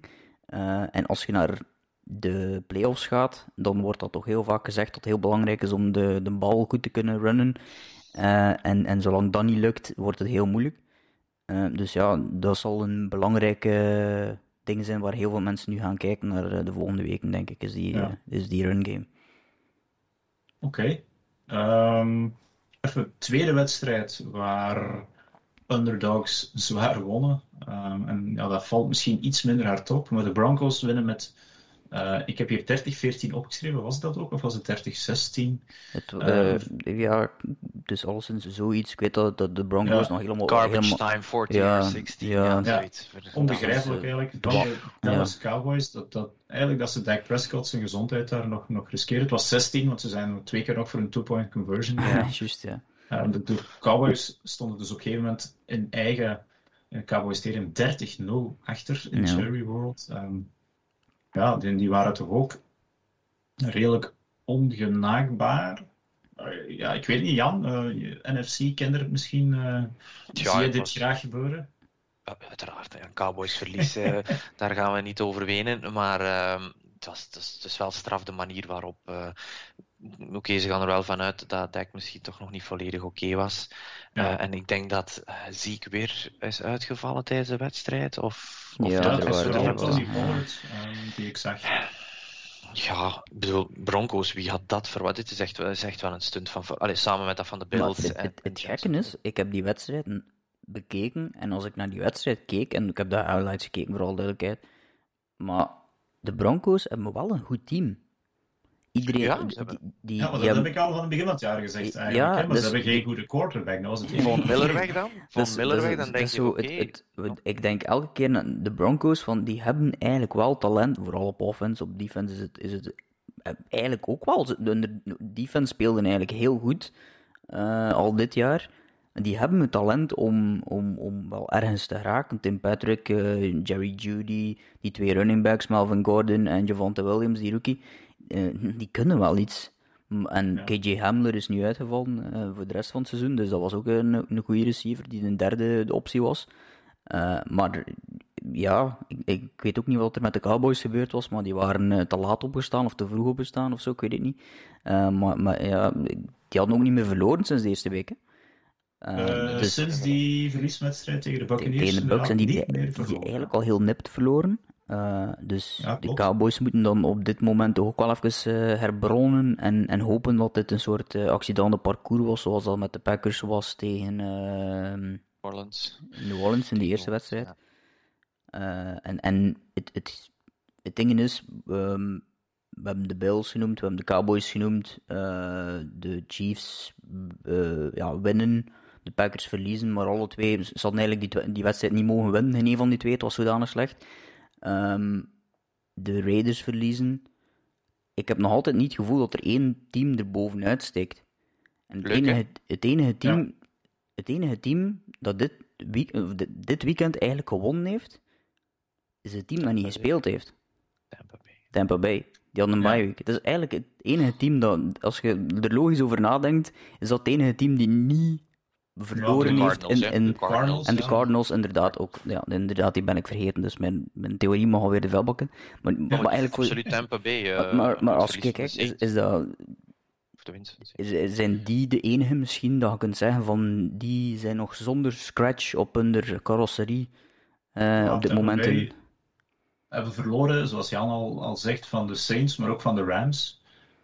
De Rams Ja, die dan weer dit weekend ja. Ja, ja. verliezen. Je kunt zo van die Ja, ja, dat- dat dat en is- zijn de Jets de beste van... eh, Dat is, eh, ja, ja, ja. Nee, nee, nee, gaan we niet doen. Ja, ja Nee, nee, nee, want maar- het is inderdaad, en, en ook zoals dat Jan zegt, maak het leuk. Hè. Uh, ja, ja. Any Given Sunday, ik denk dat er heel wat gokkers af en toe zich wel kunnen gaan, afvragen, eh, hoe kan dat? En dan eh, eh, die, die dingen die je gewoon niet verwacht. En het was, het was zondag allemaal in de early slate, nu net al die wedstrijden, dat je dacht van, eh, dus de Bills die geraakten niet in de endzone, well, de Jaguars ook niet, maar kom. Josh Allen, sacked Josh Allen, eh raapt een fumble op van Josh Allen en was het derde? Intercept Josh Allen. ja, ja, ja, ja, juist. ja. Die en- zijn we nog en- vergeten. de- de- er zijn zoveel van die uitslagen gevallen dat je denkt van ja, oké, je kan er geen staat op maken, maar dat, is net het mooie van de sport, waarbij dat het door de draft en de salary cap allemaal zo dicht bij elkaar gehouden wordt en de verschillen zo klein zijn, dat de details erover beslissen. En, maar ik denk dat het bij de Cowboys misschien eh, inderdaad de terugkeer van Beck was en dan de, de lucht die er snel uitging en dan, het hoefde niet meer, want 6 en 2, ze staan nog wel vlot aan kop ook in die divisie. Ja, dat is, dat is het voordeel natuurlijk. Hè. Ze zitten in een divisie waarin dat ze bij wijze van spreken nu nog drie, Ja. vier wedstrijden op rij mogen verliezen en er is nog altijd niets aan de hand.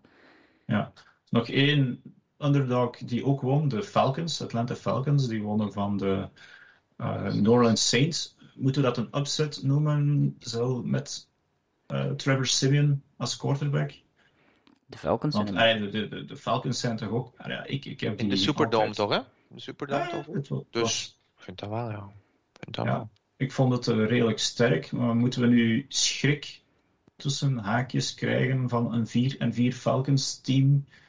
Ehm, Nee, schrik Of- niet. en, Maar, en zijn de Saints, die, die teren op hun defense, eh, zijn die iets te kwetsbaar zonder eh Jameis Winston? ja, dat waren ze met, denk ik ook al.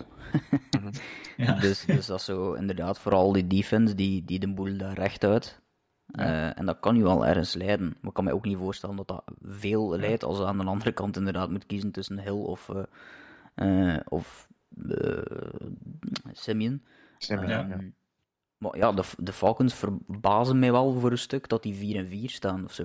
Ehm, Ja. Die hebben toch wel. eh ja, ik ken hun record nu niet van buiten tegen wie dat ze allemaal juist gespeeld hebben, maar er waren toch wel een paar goede teams ook tussen, herinner ik mij. Dus, Ja, ehm, ze, ja. hebben, ze hebben gewonnen En- van de Giants, van de. Jets, Never van de Dolphins. Ja, ik ga mijn woorden Oh. terug. Fuck. Eh, En nu van de Saints. Oké, never Ja, mind. Dat, dat hebben ze inderdaad. eh, ja, nee, never mind.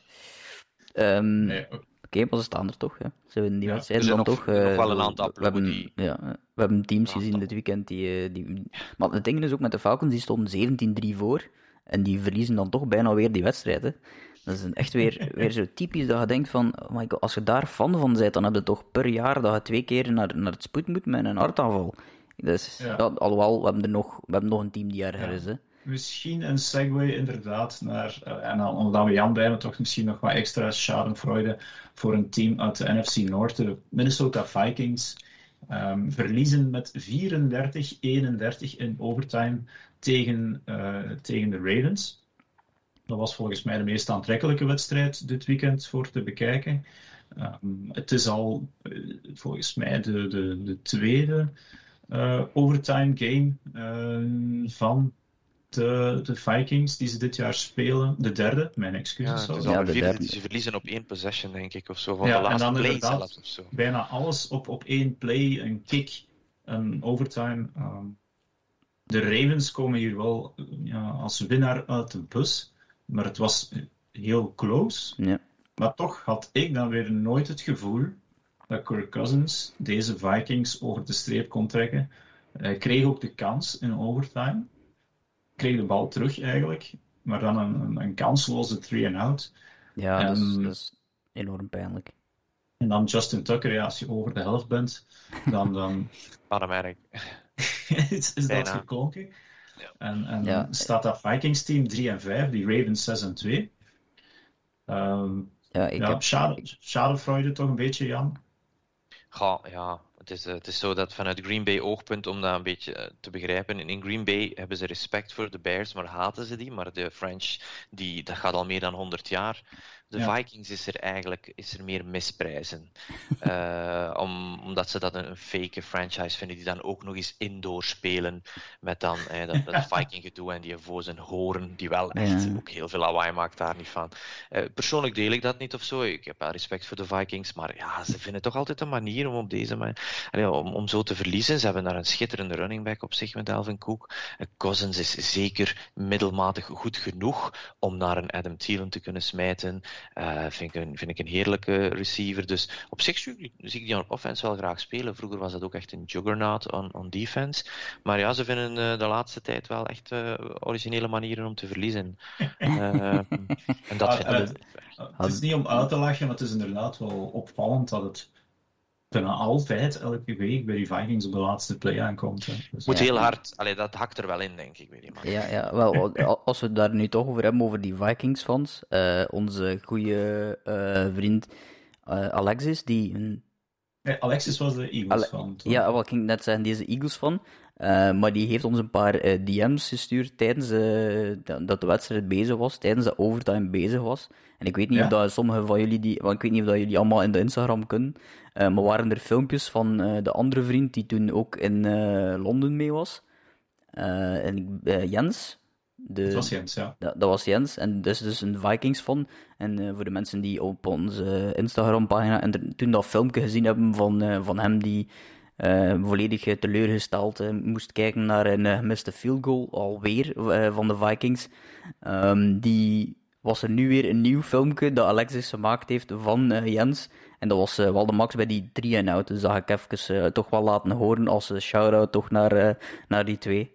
Ja, Next score nou. wint. Ja, doe dat keer aan alsjeblieft. Ik ben een stress gekregen.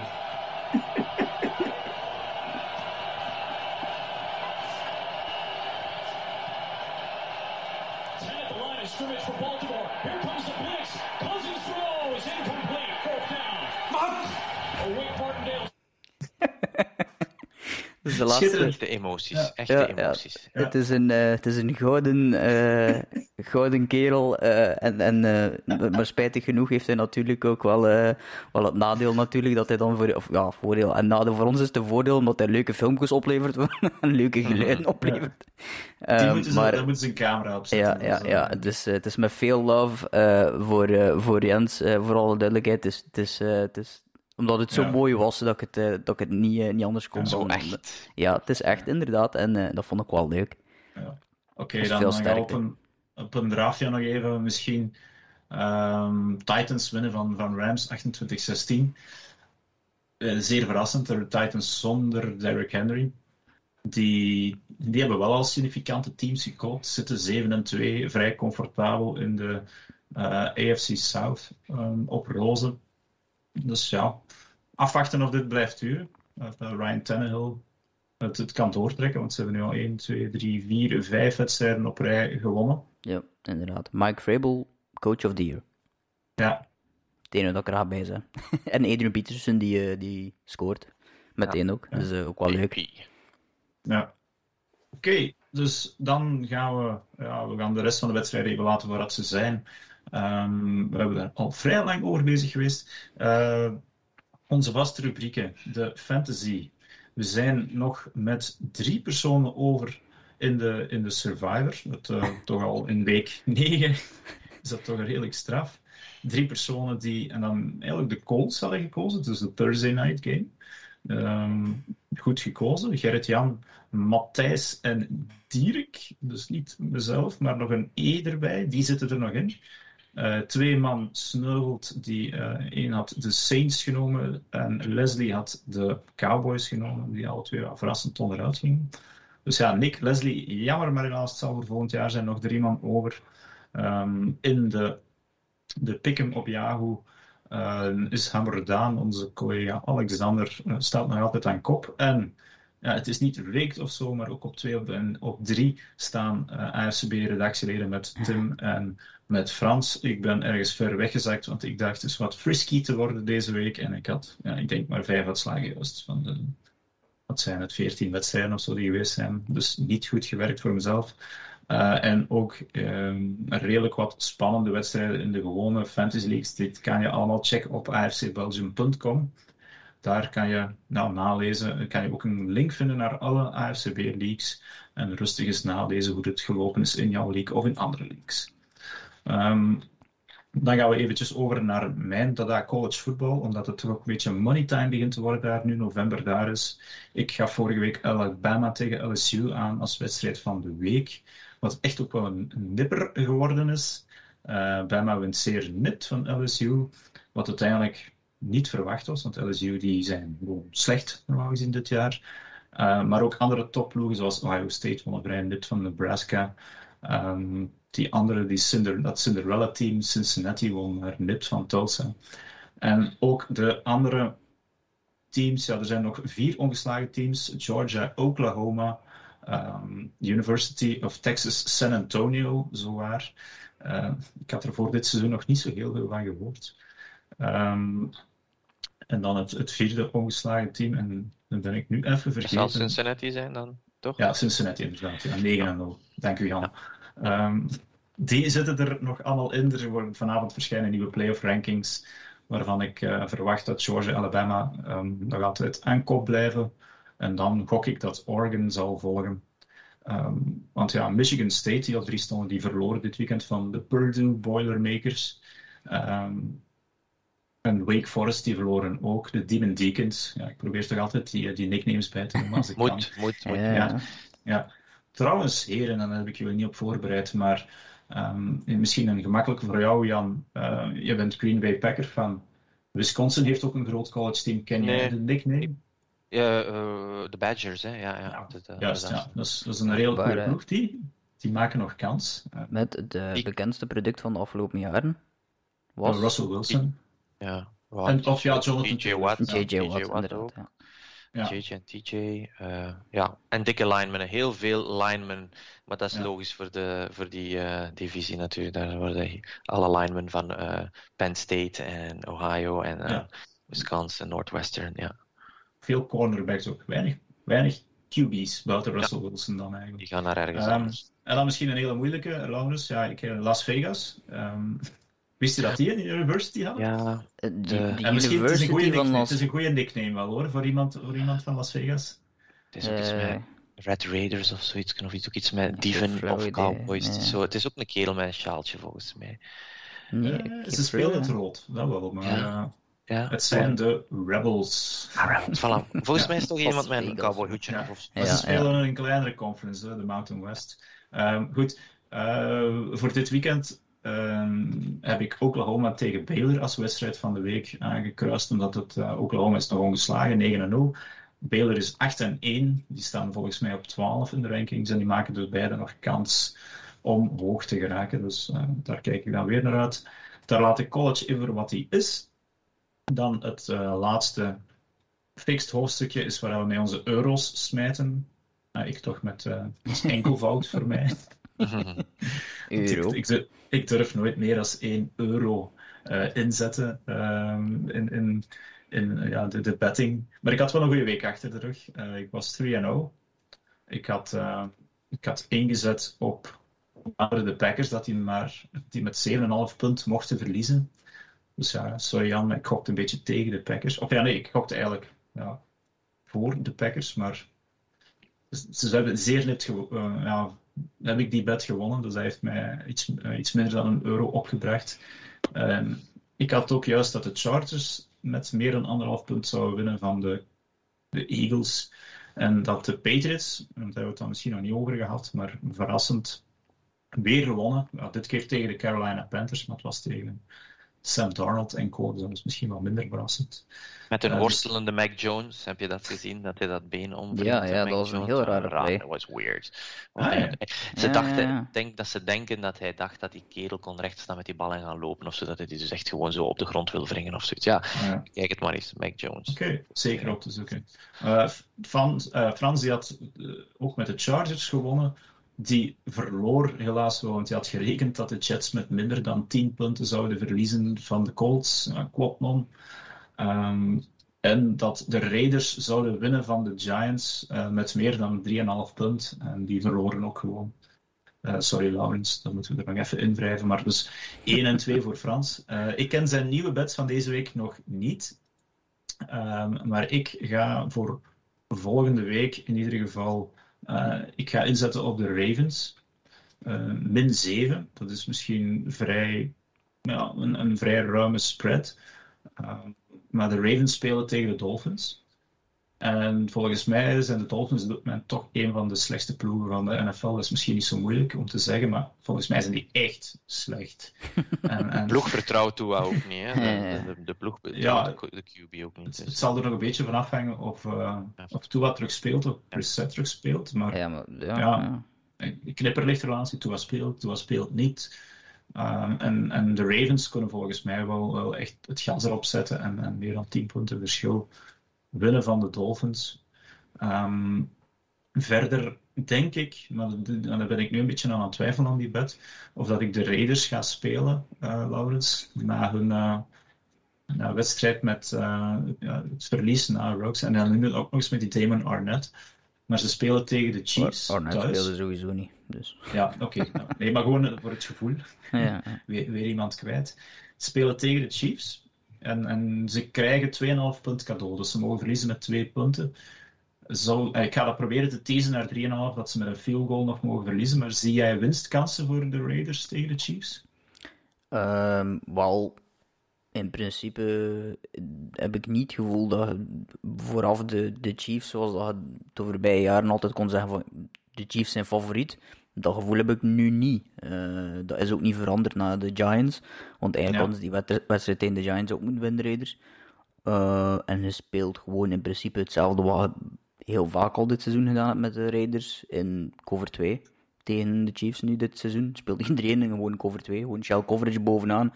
Drie, eh, drie rushes, een, een spy, linebacker. En, en dat is hetgene wat eh, onze playcaller is zeker nu. Of is het nu, nee, de playcaller is eh Greg Olsen. Eh, op defense wel is eh, Gus Bradley. Maar Gus Bradley speelt in principe heel vaak dat soort defense. Dus dat moet in het voordeel van de Raiders zijn dat ze heel vaak dat soort. eh, dat ze Ja. goed liggen in het, in het verhaal van de, van de Chiefs. Ja. Moesten de Chiefs dit nu echt verliezen, dan lijkt hun seizoen wel... Ja, dan wordt het Oh, heel moeilijk in de divisie. Ja, dan- want dan- ze hebben verloren. Ja, en ze verloren cijfermatig, maar dan, dan zie je ze toch niet met dit team nog de Super Bowl... Ah ja, Ploegen, ploegen gaan geen schrik hebben, alles. Nee, ze hebben geen schrik nee, niet nee, meer. Dat is, dat is het probleem. Hè. Want record-wise zitten ze nog eh, op de, in de hand, denk ik, voor een, voor een playoff plaats. Dat wel, hè. Ehm, en dan mijn laatste bet, en dat is nu echt wel toevallig dat jullie erbij zitten, maar ik ga ook de Packers spelen dit weekend, omdat die volgens mij een rebound gaan kennen. Eh, al dan niet, ik hoop dan voor mijn bet natuurlijk van wel, ehm, met, eh, met Aaron Rodgers. Maar de Packers spelen op zondagavond thuis tegen de Seahawks. Ehm, en crap, ik zie dat die lijn naar beneden is gegaan. Ik had die ingezet op eh, min, ja, nee, het is goed. Min 5,5 staan nog op min 3, dus het is een beetje onzeker eh, dat, dat Aaron Ja. Rodgers gaat spelen. Ehm, dus ja, ik, ja, tegen de Seahawks, misschien ja, de, het wordt gezegd dat Russell Wilson terug is. Misschien is het eerder dat waarom dat die wat dichter bij elkaar kruipen. Maar ehm, volle vertrouwen ehm, bij jou, Jan. De verdediging is echt, is echt enorm gegroeid, ondanks dat dezelfde coaches zijn, behalve dan de defensive coordinator. Echt verrassend. We hebben linebackers nu in Green Bay, eh, interior linebackers die een groot verschil maken. Dus met deze defense kan je heel veel ploegen aan. En als je dan gewoon een Rodgers hebt in een thuismatch en je run, run de bal, dan, eh, dan Ja. is dat volgens mij wel een overwinning. Ja. Oké, Zelfs dus- met Love kan dat. Ja. Oké, dus dat, dat worden mijn drie bets. Die van Frans die zullen later ook op afcbelgium.com nog verschijnen. Ehm, je zal onze records daar zien, dat wij momenteel verdienen wij geld. Eh, dus als je ons volgt, wie weet, kan je mee op de bol springen. Maar het is natuurlijk met een disclaimer, want ja, het is, het is en het blijft een gok. Goed, ehm, ik heb het al een beetje over gehad, de wedstrijden voor volgend weekend, naar waar we uitkijken. Voor mij is dat ehm, eigenlijk nog geen van de wedstrijden die we vernoemd hebben, maar Browns tegen Patriots. Ehm, als- ja, allebei de ploegen. Ja, de Patriots zitten in een positieve flow, maar worden nu stilaan toch playoff rijp genoemd. Ondanks dat ze waarschijnlijk de Bills niet zullen aankunnen in die divisie. Ehm, en dan de Browns, ze komen van die overwinning ehm, op de Bengals, de vlotte overwinning, zonder OBJ. En ja, zonder Nick Chubb, dat is wel een nieuwtje dat nog binnengekomen is, die staat op de COVID-lijst, is wel gevaccineerd. Eh, dus zou eventueel met twee negatieve tests, hoe zit het, die 24 uur uit elkaar zitten, nog terug mogen komen.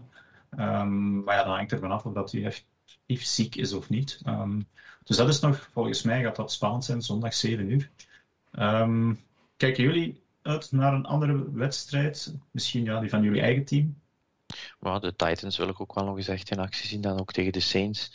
Eh, dat lijkt me ook wel een leuke wedstrijd om naar uit te kijken. Ik weet niet hoe lang dat Derrick Henry eigenlijk uit is. Acht weken was dat, dacht ik. Ja, dus, ehm, substantieel. Maar oké, crunch time dan terug.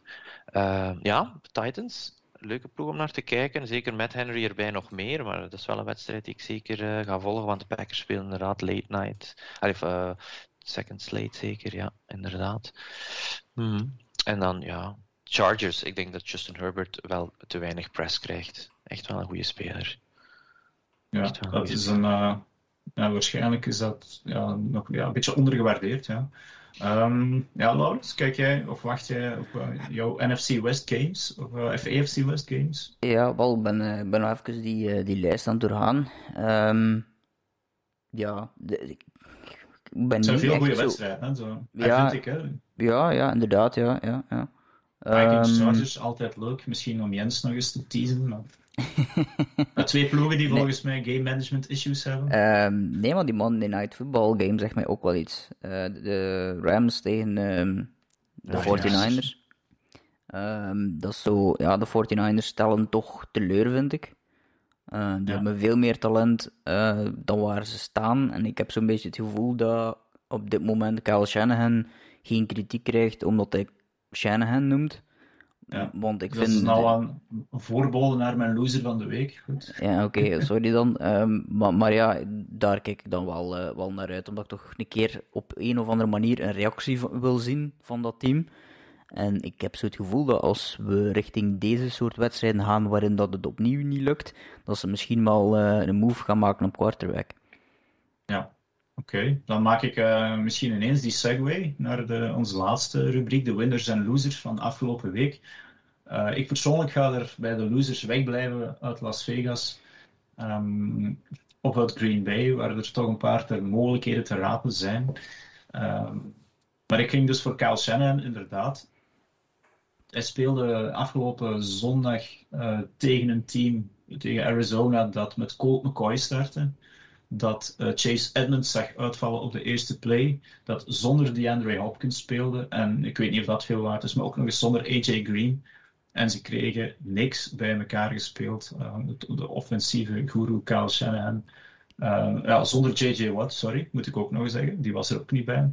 En toch kunnen ze dus niet winnen tegen die, die Arizona Cardinals, die met een, een half B-team, of ja, dat is overdreven, maar inderdaad geven we hem niet te veel credit. En, en ik wil er een tweede loser aan toevoegen, omdat ik eigenlijk niet kon kiezen tussen de twee.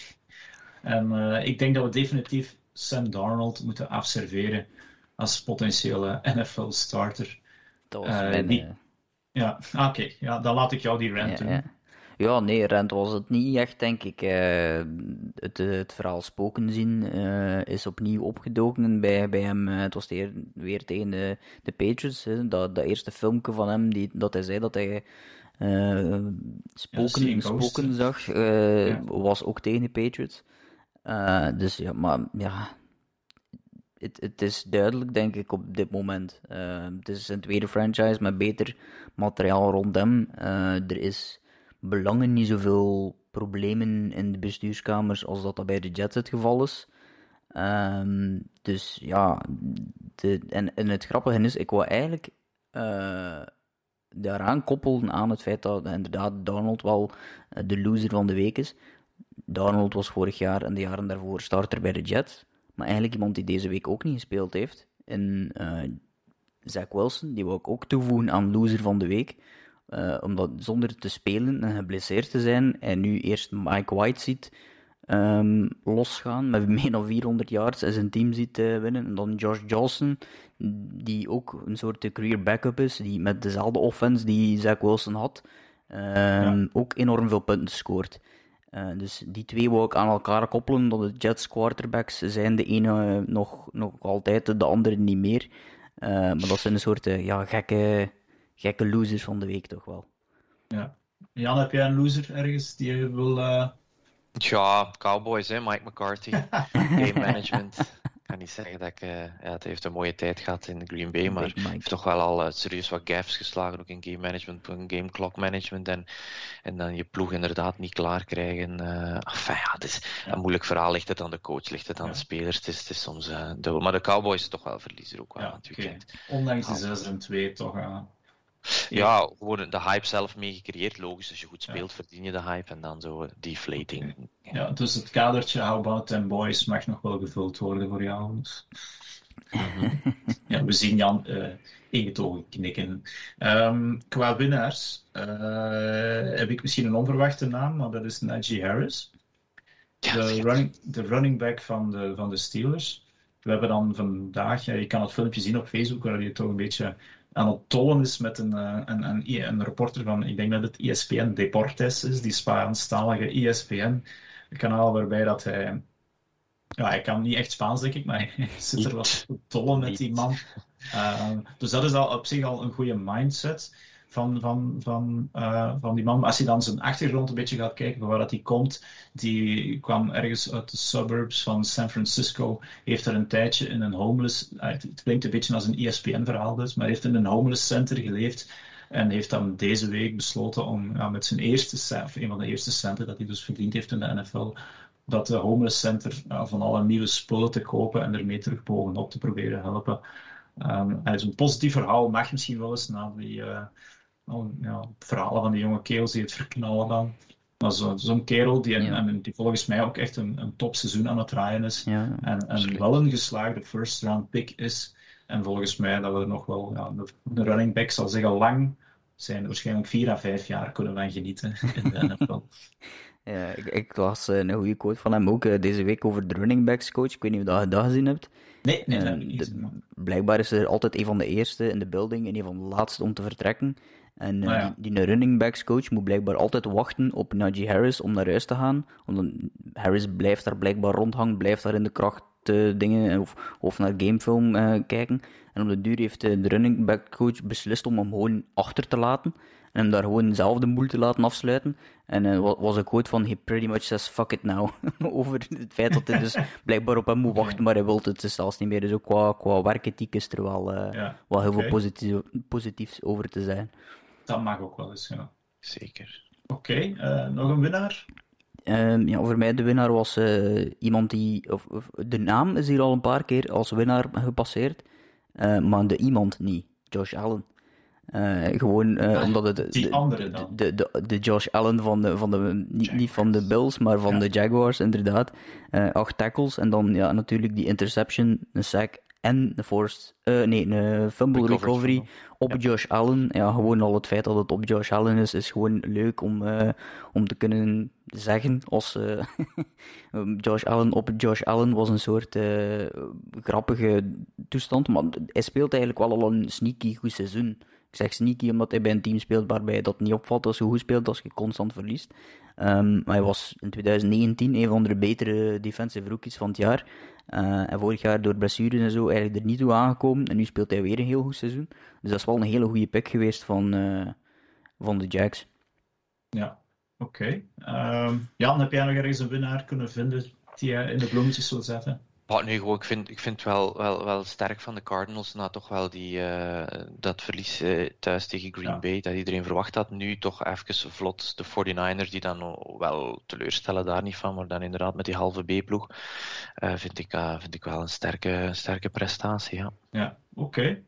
Dan ga ik het hierbij af gaan wijten hierbij laten, denk ik. Want ik zie dat het klokje al ruim, ja, bijna anderhalf uur. Volgens mij een nieuw record voor dit seizoen. Eh, ik denk dat we ongeveer een half uur per persoon mogen tellen. Dus met Ja. die anderhalf uur geen probleem. Dat is volgens mij ongeveer twee ritjes van en naar het werk gemiddeld in Vlaanderen. Dus dat moet lukken. Ehm, en je hebt een extra dag nu ook om ernaar Ja, te luisteren, want we nemen dit al dinsdag op, laten het woensdag verschijnen. Dus geen probleem. Eh, Jan, bedankt om, eh, om jouw ja, eerste verschijning van dit seizoen te maken. Hopelijk Yes, later nog eens meer. En niet alleen als we naar de refs willen wijzen of Ja. naar de Packers willen wijzen. Nee, ook Dus, eh, ja. mag, mag voor iets Oké. anders. En Laurens, jij ook bedankt. Om, ehm, hopelijk is het de laatste keer dat we jou moeten aanspreken op eh, Raiders shenanigans. en ehm, Dus kan het misschien binnenkort playoff talk worden, wie weet. ja, ja, ja, eh, inderdaad. rest mij nog ook ehm, ja, even te zeggen nog, ja, afcbelgium.com, daar vind je onze contentstukjes. En wil ik onze luisteraars nog bedanken eh, voor te luisteren deze week. En hopelijk horen jullie, ah ja, horen jullie ons volgende week weer.